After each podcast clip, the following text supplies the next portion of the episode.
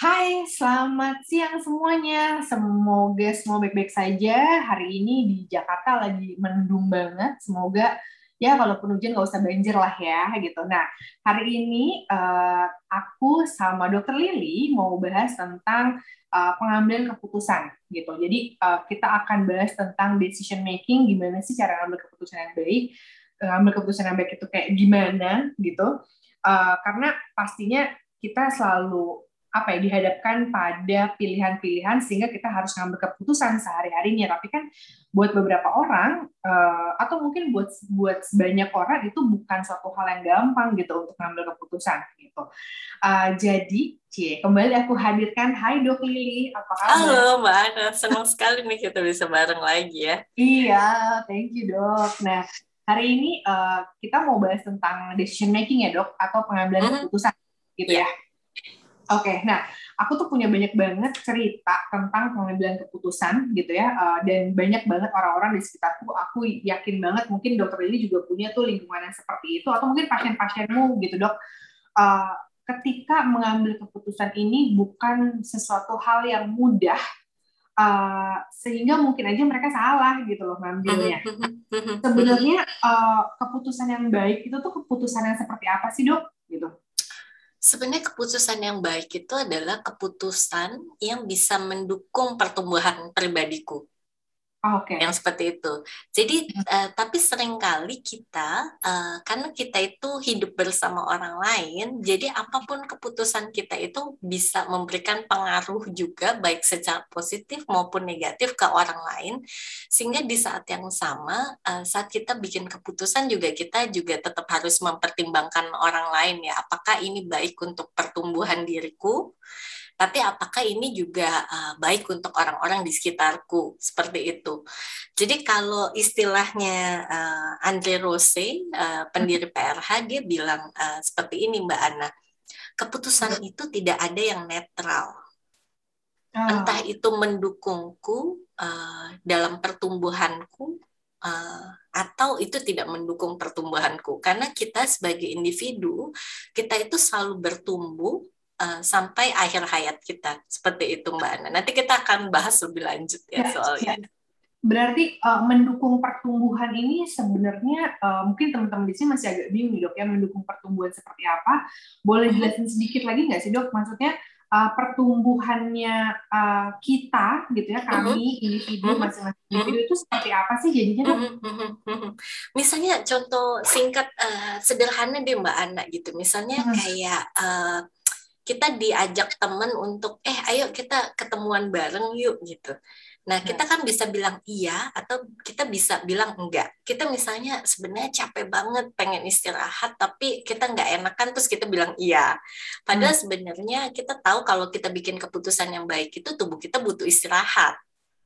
Oh, okay. Kalau sampai tubuh kita sakit, itu kan juga bisa menghambat semua tugas-tugas dan tanggung jawab kita ke depan gitu. Benar. Atau misalnya, walaupun tubuh kita punya energi, tapi kalau kita bilang iya dengan teman-teman yang mereka tuh sebenarnya isinya ngegosip terus, mm-hmm. itu juga nggak mendukung pertumbuhan kita. Kita nggak akan jadi orang yang lebih baik dengan ngegosipin orang gitu. Ya, ya, ya. yang seperti itu atau misalnya kita bergaul dengan orang-orang yang isinya uh, itu selalu kata-katanya tuh membenci orang, uh, memberikan ketakutan dan lain-lain itu kan lama-lama itu menumbuhkan bibit ketakutan dan kebencian dalam diri kita ya gitu. Jadi mungkin kelihatannya sederhana bilang iya atau enggak untuk ngumpul bareng orang lain gitu atau teman, tapi sebenarnya itu nggak pernah netral Oke. Okay. Karena okay. kalau kita bergaul dengan orang yang baik gitu misalnya uh, ikut kegiatan yang positif yang bermakna itu akan bantu kita untuk uh, jadi hmm. orang lebih baik. Tapi kalau kita hmm.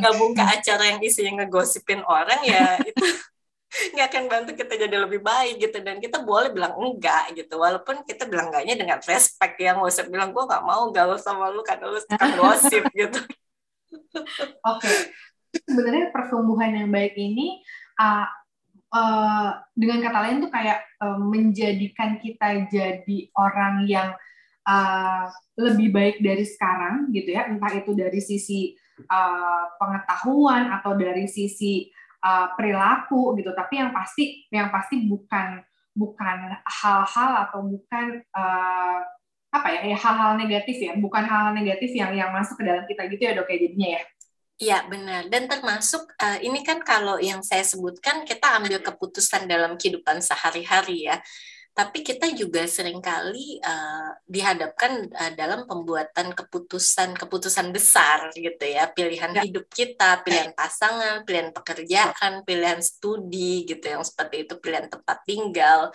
Itu juga keputusan besar. Jadi uh, kita setiap hari itu pasti bikin keputusan-keputusan kecil yang tiap hari. Mau pakai baju apa mau makan apa hari ini mau tidur jam berapa atau kita juga dihadapkan pada keputusan-keputusan besar yang itu kira-kira uh, bisa punya dampak besar dalam hidup kita maupun orang-orang di sekitar kita ya. Seperti Asik. itu, Mbak Oke. Okay. Jadi ini Dok. aspek penting banget dalam perkembangan As kita ya, pertumbuhan ya. kita.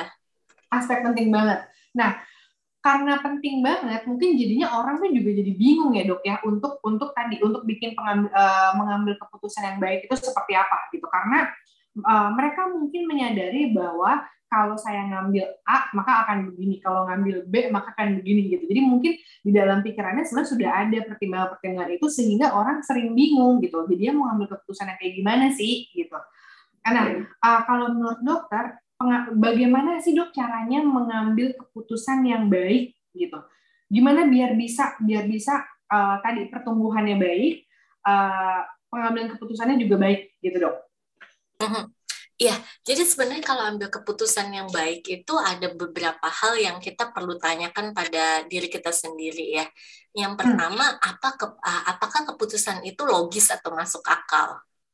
Oke. Okay. Kira-kira aku ngerti nggak cara ngerjainnya, aku bisa nggak gitu, aku punya kemampuan nggak untuk itu gitu misalnya. Ini logis nggak buat aku dengan uh, beban kerjaku saat ini apakah aku masih punya waktu untuk ngerjain uh, kerjaan lain gitu misalnya terus ya. yang kedua juga uh, tanya ke diri sendiri apakah hal tersebut membuatku merasa nyaman aku oh. aku nyaman gak sih kalau kerja ini? Atau aku nyaman gak sih kumpul dengan orang itu gitu? Kita juga mesti menghargai perasaan kita juga gitu ya.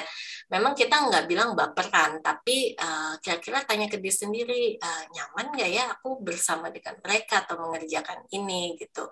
Terus yang ketiga apakah tubuhku punya tenaga untuk itu? Aku punya kekuatan nggak gitu kita juga mesti menghargai kebutuhan tubuh kita karena dia butuh istirahat. Kadang kalau ada uh, misalnya aktivitas kalau teman saya tuh suka banget lari gitu lari maraton. Tapi hmm. kalau ditanya saya kayaknya tubuh saya nggak kuat deh kayaknya saya nggak deh gitu saya olahraga yang lain aja gitu yang seperti itu. Kalau kayak masih yoga ya saya masih bisa tapi bukan yoga yang yoga pemula lah gitu misalnya seperti itu.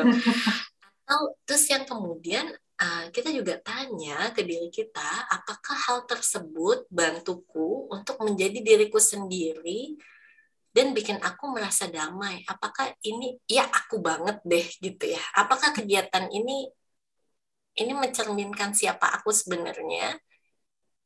Uh, dan ini aku aku banget deh diriku sendiri dan aku bisa ngerasa damai dan aku uh, bisa merasa nyaman ngerjainnya. Jadi kalau aku secara umum, jadi aku tanya semua tuh eh, Mbak ke diriku sendiri. Ya. Apakah itu logis? Apakah itu nyaman buatku? Apakah tubuhku punya kekuatan? Apakah ini sesuai dengan siapa diriku sebenarnya? Nilai-nilai terdalamku juga hmm. ya gitu yang sebenarnya. Hmm. Uh, dan setelah mempertimbangkan uh, keempat itu, baru kita bisa bilang hmm, keputusan apa yang kita ambil iya atau enggak atau keputusan A hmm. atau keputusan B karena kan dalam hidup kita selalu dihadapkan pada banyak pilihan-pilihan gitu secara nggak sadar setiap hari pun kita milih gitu seperti ya, itu baik hal kecil maupun hal besar Oke, berarti ada empat nih ya dok, empat empat yang perlu ditanyakan ke dalam diri sendiri gitu ya. Uh -huh. uh, apakah logis gitu ya? Uh, sensibilitasku gitu ya, mas sensibilitas berarti uh -huh. rasa itu saya ingin apa enggak gitu. Uh -huh. Terus, uh, aduh yang dua lagi tadi apa ya dok? Aku merasa nyaman enggak? aku hmm, punya kekuatan nggak tubuhku apakah okay. ini membantuku menjadi diriku sendiri ini sesuai dengan nilai-nilaiku okay. ini sesuai ya aku banget gitu oke okay. aku banget ya apakah ini sesuai dengan nilai-nilaiku uh, apakah aku merasa nyaman uh, nyaman atau enggak gitu. Mm -hmm. kemudian ngomongin tentang kaitan dengan sensibilitas uh, dan logis atau enggak. Nah ini kan sebenarnya jadinya kan kita mesti reflect ke diri kita sendiri ya dok gitu loh. Dan mungkin mm. uh, semua orang jadinya juga bisa gampang uh, uh, ngerti gitu gampang untuk bertanya tentang ini ke dalam dirinya sendiri gitu. Karena yang kebayang mungkin yang kebayang adalah udah keburu bingung nih mau mau apa sih? Uh, mau mau ngambil.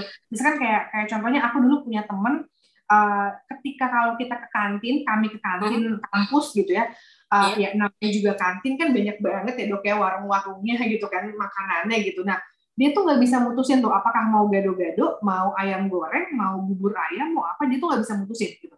Uh, saking nggak bisa mutusinnya kadang tuh kami udah selesai makan dia baru akhirnya come up dengan ide oh ya udah gue mau yang ini nah tapi kami udah teman-teman udah selesai makan deh gitu nah ini kan berarti kan bukan suatu hal yang gampang bahkan untuk hal yang sederhana gitu nah ini gimana sih dok uh, supaya proses uh, pengambilan tetap pengambilan keputusan tetap baik dan pertanyaan-pertanyaan itu bisa dijawab juga sama diri sendiri gitu. Ada ada tipsnya nggak untuk melakukan itu dok? Ya, kalau mau dibilang uh, Mbak Ana sebenarnya proses pengambil keputusan itu adalah proses uh, kita untuk bertumbuh juga ya gimana kita pelan-pelan bisa belajar dengerin uh, apa yang baik untuk kita. Jadi keputusan yang baik adalah saat kita bikin keputusan berdasarkan hati nurani kita. Oke. Okay. Nah, seperti itu. Jadi kalau misalnya saya boleh sharing sedikit nih pengalaman pribadi ya. Saya itu anak bungsu di keluarga. Jadi saya itu nggak terbiasa ngambil keputusan karena terlalu banyak uh, saya kan uh, hidupnya di keluarga besar gitu ya kita tinggal keluarga besar ada kakak hmm. saya ada uh, orang tua saya ada kakek nenek saya hmm. jadi mereka itu lebih kompeten dan lebih punya otoritas bikin keputusan. Jadi biasanya saya selalu ikut aja apa kata mereka. Jadi buat saya itu um, agak kesulitan memang saat harus bikin keputusan sendiri karena biasa orang lain yang bikin keputusan buat saya. Jadi saya juga belajar gitu. Tapi nggak apa-apa gitu. Kita harus terima juga uh, kondisi kita sekarang gitu. Kalau kita misalnya hmm. punya kecenderungan untuk sulit bikin keputusan atau kita lebih nyaman orang lain bikin keputusan uh, untuk kita tapi kita pelan-pelan bertumbuh. Dan salah satunya yang bantu kita uh, ke depannya untuk bikin keputusan lebih baik ya kalau buat saya adalah di setiap malam saya refleksi keputusan apa saja yang hari ini saya ambil dan saya itu uh, bikin keputusannya berdasarkan apa? Hmm, apakah ini hmm. saya bikin keputusan berdasarkan nggak enakan sama orang? Apakah hmm. ini saya bikin keputusannya udah menghargai tubuh saya? Apakah saya uh, ya yang pertanyaan-pertanyaan tadi. Jadi mulai dari situ saya bisa mengenali mana keputusan yang baik, mana keputusan yang enggak, dan ke depannya saya juga jadi tahu kalau ini keputusannya baik, saya mulai uh, pelan-pelan melihat apa ya yang menjadikan uh, keputusan ini baik? Oh iya ternyata ini sesuai dengan nilai-nilaiku gitu. Oh oke okay. berarti ke depannya aku juga mesti lebih setia pada diriku untuk tanya ini sesuai nggak dengan aku? Gitu nggak cuma ikut-ikutan orang gitu. Jadi aku juga lebih percaya diri. Tapi kalau misalnya keputusan ini kurang baik misalnya aku ambil keputusan aku bilang iya karena aku pengen menyenangkan orang gitu ya misalnya. Tapi ternyata setelah aku kerjain aduh tubuhku capek banget aku jadi perasaanku nggak enak gitu segala macam. Aku juga uh, jadi belajar oh ternyata kalau aku bikin keputusan hanya berdasarkan untuk menyenangkan orang lain hasilnya itu nggak baik. Jadi aku juga bisa belajar oh ke depannya lebih baik seperti apa ya hmm. gimana hmm. caranya aku bisa bilang enggak ya karena aku tahu kalau aku terusin polaku yang seperti ini ini nggak akan bantuku untuk jadi pribadi yang lebih baik gitu. Ya. Jadi nggak apa-apa Mbak Ana, proses bikin uh, keputusan itu proses bertumbuh dan kadang-kadang sering kali uh, itu nggak ada pakemnya harus begini, tapi ya. kita uh, di akhir hari gitu kita refleksi aja ini apa sih keputusan yang saya buat, mana keputusan yang baik, mana keputusan yang enggak.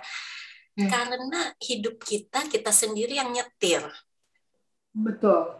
Kita yang pelan-pelan belajar untuk dengerin apa kata hati nurani kita dari dalam. Apa yang baik apa yang nggak baik. Orang lain itu bisa bantu kita untuk ibaratnya jadi bantu kita jadi spion ya. Untuk melihat kadang-kadang ada hal-hal yang uh, kita nggak bisa lihat tapi kita yang nyetir itu hidup kita tetap kita yang uh, ibaratnya hidup kita mau berhenti kah mau tambah gas kah ke kanan ke kiri. Kita mungkin kalau ragu bisa tanya orang lain tapi pada akhirnya kita sendiri yang memutuskan. Ya, ya benar. Seperti itu. Ini ini ini oke okay banget dok. Maksudnya uh, refleksi uh, refleksi ini jadinya kan jadi kata kunci nih ya gimana kita memulai memulai memulai untuk bisa mengambil keputusan yang baik. Which artinya ketika kita refleksi kita kan mungkin juga nemu bahwa wow keputusannya yang kemarin ternyata salah nih gitu. Uh, terus uh, pernah nggak sih dok uh, uh, ngerasa bahwa keputusan saya salah gitu? Mungkin karena tadi karena saya cuma mau ikut-ikutan temen doang gitu. Padahal sebenarnya uh, saya nggak pengen gitu atau misalkan kayak uh, saya saya uh, saya saya emosi banget nih lagi emosi banget sih yeah. saya uh, mak contohnya gini yeah, kayak bener. aku aku baru baru didiagnosa hipertensi dok gitu kan aduh okay.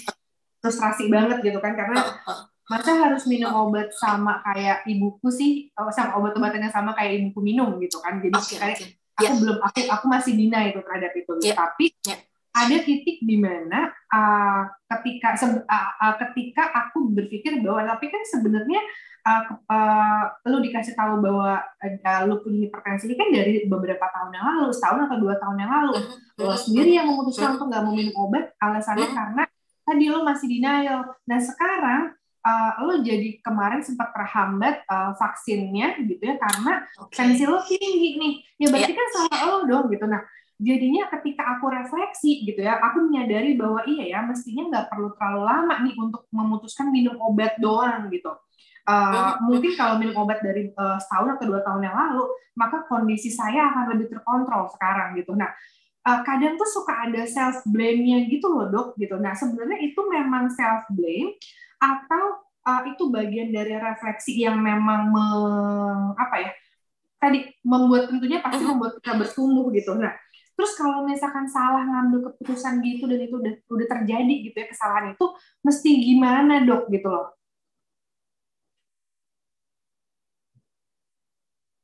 uh, oke okay. Jadi sebenarnya gini eh, Mbak Ana, uh, pada prinsipnya kita jangan pernah nyalahin diri sendiri ya. Kita itu manusia pasti nggak sempurna.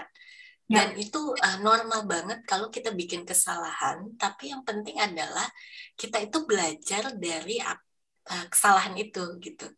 Okay. Jadi jangan bikin label, uh, oh aku salah, aku begini atau begitu enggak. Tapi kayak oh ya, oke, aku bikin keputusan nih kemarin enggak uh, nunda minum obat ternyata konsekuensinya hmm. seperti ini jadi setelah itu aku refleksi oh ternyata uh, ini nggak pas ya buatku jadi buat selanjutnya apa yang aku bisa uh, perbaiki jadi kita selalu belajar gitu segala sesuatu itu adalah kesempatan kita belajar dan kita juga bertumbuh dari kesalahan kita yang seperti itu. Jadi kayak oh oke okay, uh, berarti ini kurang pas buatku untuk ke depannya berarti uh, apa yang aku bisa lakukan lebih baik dalam situasi yang sama gitu. Misalnya ya. seperti itu. Dan itu nggak apa-apa karena kalau kita bikin keputusan itu eh, nggak uh, perlu keputusan yang sempurna yang paling bagus yang anti salah anti gagal sering kali saya juga banyak uh, bikin keputusan yang salah dan dari sana saya banyak belajar gitu ah, seperti okay. itu jadi selalu ada yang kita pelajari dari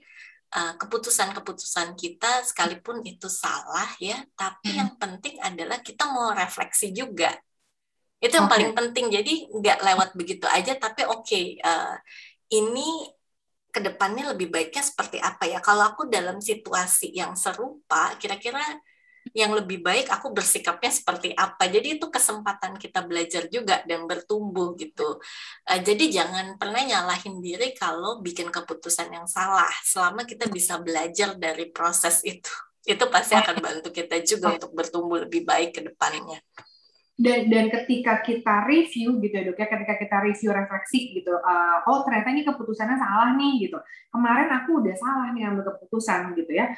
Uh, kalau buatku pribadi pada akhirnya jadinya aku mulai ngeh bahwa oh iya ya bahwa menerima suatu penyakit walaupun hipertensi itu udah ada obatnya, udah ada caranya, arti caranya caranya uh, membuat uh, tekanan darah lebih terkontrol itu sebenarnya banyak banget kan informasinya gitu. Nah, uh, tapi tetap gitu ketika ketika kita uh, ketika kita dapat itu jadinya tetap mungkin nggak siap gitu. Ketika dapat diagnosa itu mungkin nggak siap. Nah, sebenarnya buatku sendiri ini uh, jadi mengenali, aku mengenali kembali diriku gitu. Mungkin itu salah satu benefit yang bisa kita ambil kalau uh, kita uh, refleksi dari keputusannya salah gitu kali ya dok ya?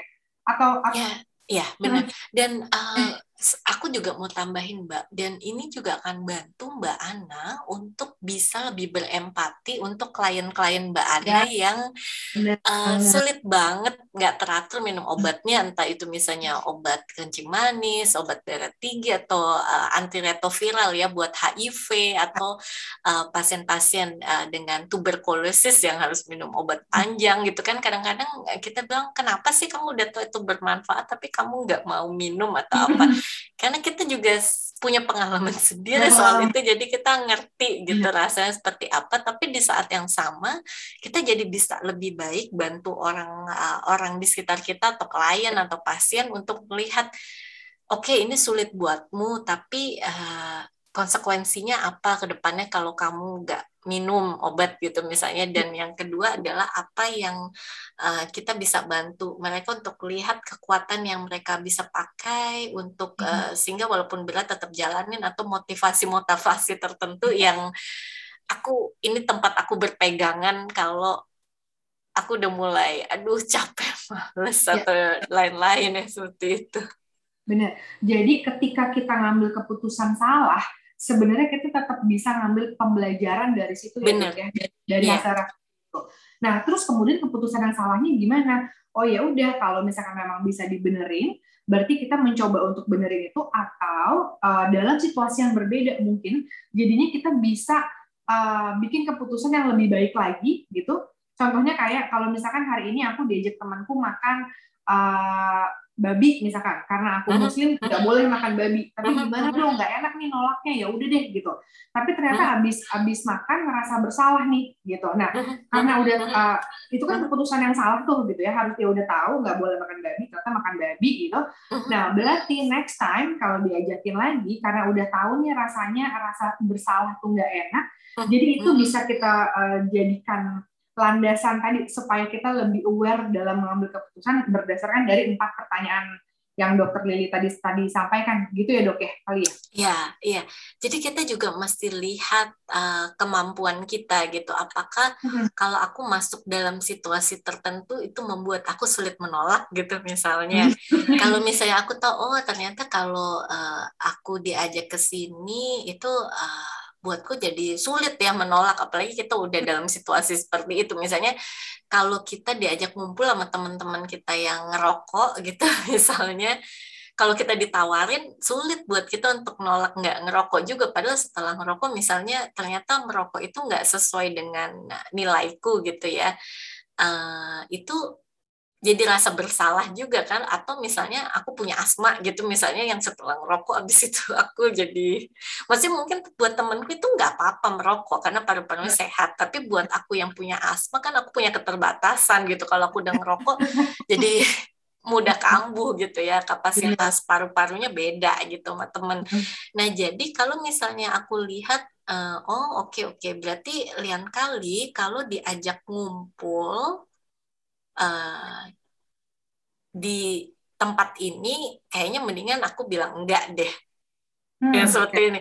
Karena aku tahu konsekuensinya kalau aku bilang iya itu akan menuju menuju hal-hal lain yang pada akhirnya aku akan sesali yang seperti itu gitu. Jadi kita uh, jadi kita nggak bisa pukul rata kalau hitam putih keputusan yang terbaik adalah A atau B gitu. Masing-masing orang punya kondisinya masing-masing yang cuma dia sendiri yang paling tahu sebenarnya apa yang paling pas buatku. Jadi prinsipnya itu um, kompas kita itu ada di dalam. Kompas kita itu hati nurani kita. Dan masing-masing orang itu beda. Kita mesti Makanya kenapa kita uh, penting kenal diri sendiri, kita penting punya koneksi dan hubungan yang baik dengan diri sendiri. Semakin hmm. kita punya hubungan yang baik dengan diri sendiri, semakin kita peka ini suara siapa yang bilang apa suara nggak enak kan nolak orang lain atau ini suara dari dalam diriku, suara hati nuraniku yang bilang ini yang baik buat kamu. Itu yang pelan-pelan kita mesti latih, kita dengar diri kita sendiri dan walaupun kadang-kadang bukan artinya kita nggak nggak perlu orang lain ya sering kali malah kita ya. perlu orang lain untuk memverifikasi ini suaranya dari mana oke okay.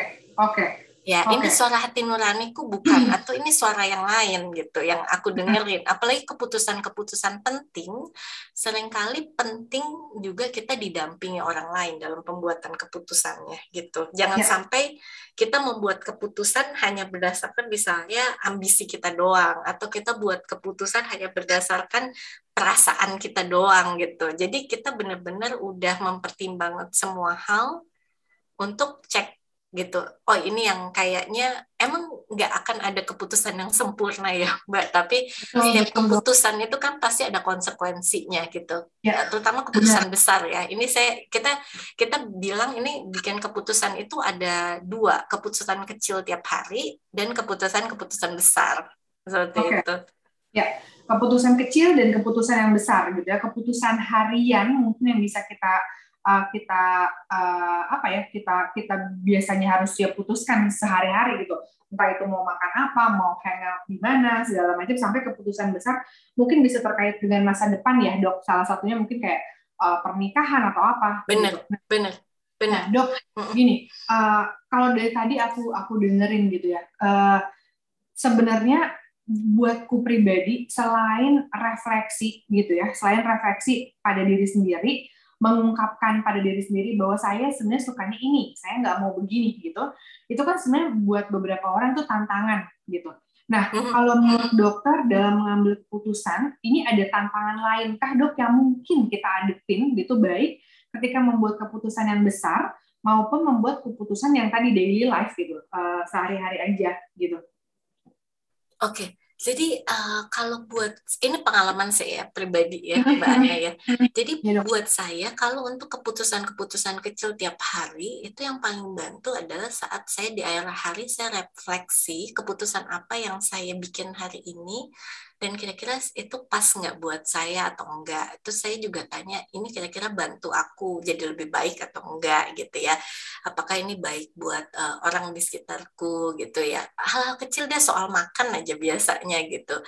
Karena kita secara nggak sadar apa yang kita makan itu berpengaruh banget terhadap kesehatan kita gitu ke depannya gitu. Dan semakin kita bisa sehat semakin kita bisa mengerjakan tanggung jawab kita dengan baik dan semakin kita bisa bantu orang lain. Kalau buat buat saya. Gitu. Kalau saya sakit yang nanggung kan satu keluarga juga gitu hmm. misalnya. Karena saya kan punya masih punya anak kecil ya gitu. Nah terus uh, yang kedua adalah kalau untuk keputusan besar sering kali saya selalu minta didampingi sih mbak. Saya nggak pernah oh. ambil keputusan sendiri. Maksudnya bukan pada akhirnya saya bikin keputusan tapi saya selalu cek pendamping saya. Ini ada pilihan A dan pilihan B. Saya ada kecenderungan seperti ini gitu. Saya pengen sih pilih A gitu. Tapi saya juga terbuka dengan masukan pendamping saya. Misalnya contohnya gini jadi uh, suami saya uh, tiga tahun yang lalu ya uh, itu dapat tawaran untuk uh, penugasan di Vienna Austria tiga tahun.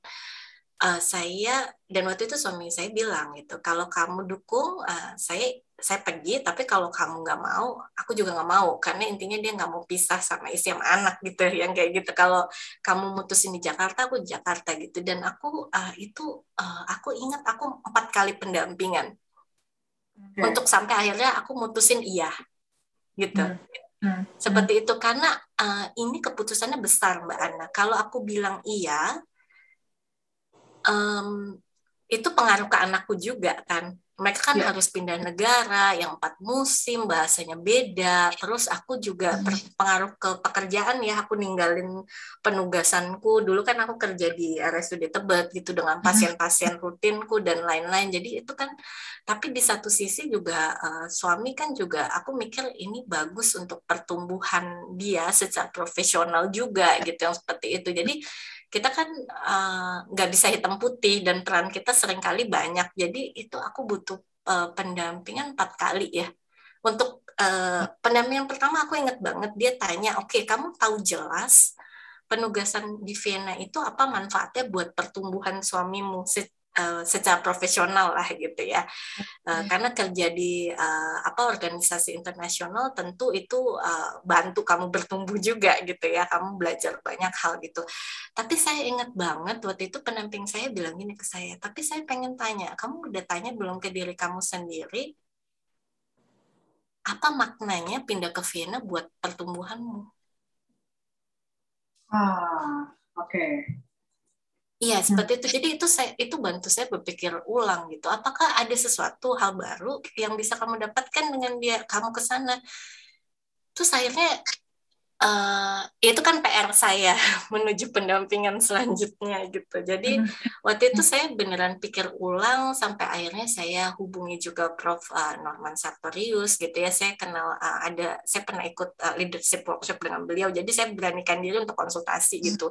Prof hmm. ini suami saya dapat kesempatan seperti ini, saya pengen tanya kalau pandangan Prof gimana gitu ya buat uh, buat uh, karir saya ke depannya sebagai psikiater gitu. Lalu kemudian saya nggak nyangka sih Prof itu bales gitu dia bilang kamu ikut aja dia bilang gitu uh, hmm. kamu pasti bisa banyak belajar walaupun di, di Austria itu bahasa Jerman tapi kamu bisa lah dalam satu tahun pertama pakai bahasa Inggris uh, selanjutnya sambil kamu mantepin bahasa Jermanmu kalau emang kamu serius aku kenalin sama profesor di sana beneran dikenali kan? Aku jadi kenal sama profesor uh, sosial psychiatry di sini gitu. Dan Keren karena direkomendasi nama Prof. Norman Sartorius Prof. Sini juga mau gitu bantuin aku. Dan bener aku banyak banget belajar dari beliau gitu yang seperti itu. Dan tapi itu proses pendampingan selanjutnya aku bilang eh aku udah kontak profesor di sana gitu. Terus jadi pendampingku juga Oke, okay, berarti ini ya kayak gitu. Sampai aku ingat banget sebelum aku mutusin, aku pendampingan bareng sama suamiku. Oh, okay. Jadi kita sebagai pasangan datang dan aku ingat banget kok pendamping waktu itu enggak enggak bikinin keputusan buat suamiku dia cuma nanya-nanya aja gitu. Buat kamu hmm. apa artinya, apa bedanya di sini sama di sana. Jadi kayak ibaratnya itu bantu memetakan aja. Untuk bantu ngecek gitu dari dalam apakah ini membantu pertumbuhanmu atau enggak? Hmm. apakah uh, manfaatnya buat orang-orang di sekitarmu? Gimana buat keluargamu? Yang kayak gitu-gitu aja. Tapi waktu aku tanya gitu kayak ke suamiku aku kan kaget juga karena dia sama sekali nggak memutuskan buat kita. Jadi terakhir dia cuma bilang gini ya karena ini kan lowongannya bakal ditutup sebentar lagi ya gitu. Maksudnya kita udah harus kasih keputusan iya atau enggak gitu kayaknya kamu mesti mutusin segera.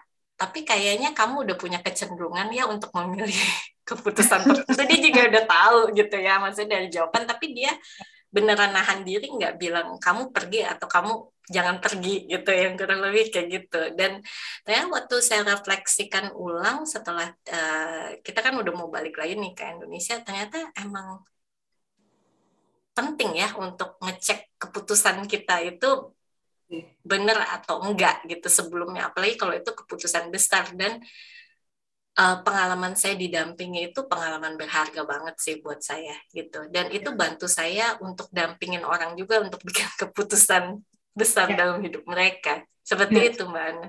Benar. Jadi sebenarnya tantangannya tetap memang yang paling besar adalah ke diri sendiri ya dok. Kalau aku bisa ngambil kesimpulannya gitu uh, ke diri sendiri dan memang Uh, tapi proses untuk uh, proses untuk find out gitu, figure out kira-kira ini sebenarnya saya mesti ngambil gimana, itu yang sebenarnya jadi dinamika sendiri itu gitu ya. Karena uh, diskusi sama orang lain yang tadi yang uh, mungkin orang-orang yang kita kita hargai, kita hormati, kita anggap mereka lebih kompeten gitu ya, uh, itu membuat kita juga jadinya membuka pikiran kita lebih luas lagi gitu. Dan ya uh, ujung-ujungnya adalah membantu kita kita berkembang dengan lebih baik lagi gitu. Nah, kalau tadi kan kita sempat ngomongin tentang uh, uh, peran orang lain ya dok ya. Tadi sempat dokter di awal juga sempat sempat menyinggung peran orang lain gitu. Nah, uh, kalau ngomongin tentang peran orang lain, ini tadi orang lain kalau melihat dari, dokter cerita orang lain ini perannya positif banget nih karena uh, memang masih bisa mendukung keputusannya dokter gitu. Nah, uh, tapi kan kita nggak nggak sedikit juga pengalaman bahwa ada orang-orang yang uh, perannya ini sangat dominan mungkin perannya ini sangat besar sehingga uh, saya sehingga mempengaruhi keputusan yang saya mungkin ambil gitu. Nah kalau untuk peran orang lain ini sebenarnya gimana sih dok gitu? Apakah memang kalau kalau misalkan ada orang yang ngambil keputusan buat saya, contohnya kayak dokter Lili tadi sebagai anak bungsu nggak terbiasa ngambil keputusan, selalu diambil keputusannya gitu. Nah itu sampai umur berapa sih saya boleh nurut untuk ngambil uh, diambilin keputusannya dan uh, atau mulai umur berapa saya mulai bisa ngambil keputusan saya sendiri atau gimana dok gitu terkait dengan perannya orang lain nih dalam proses pengambilan keputusan kita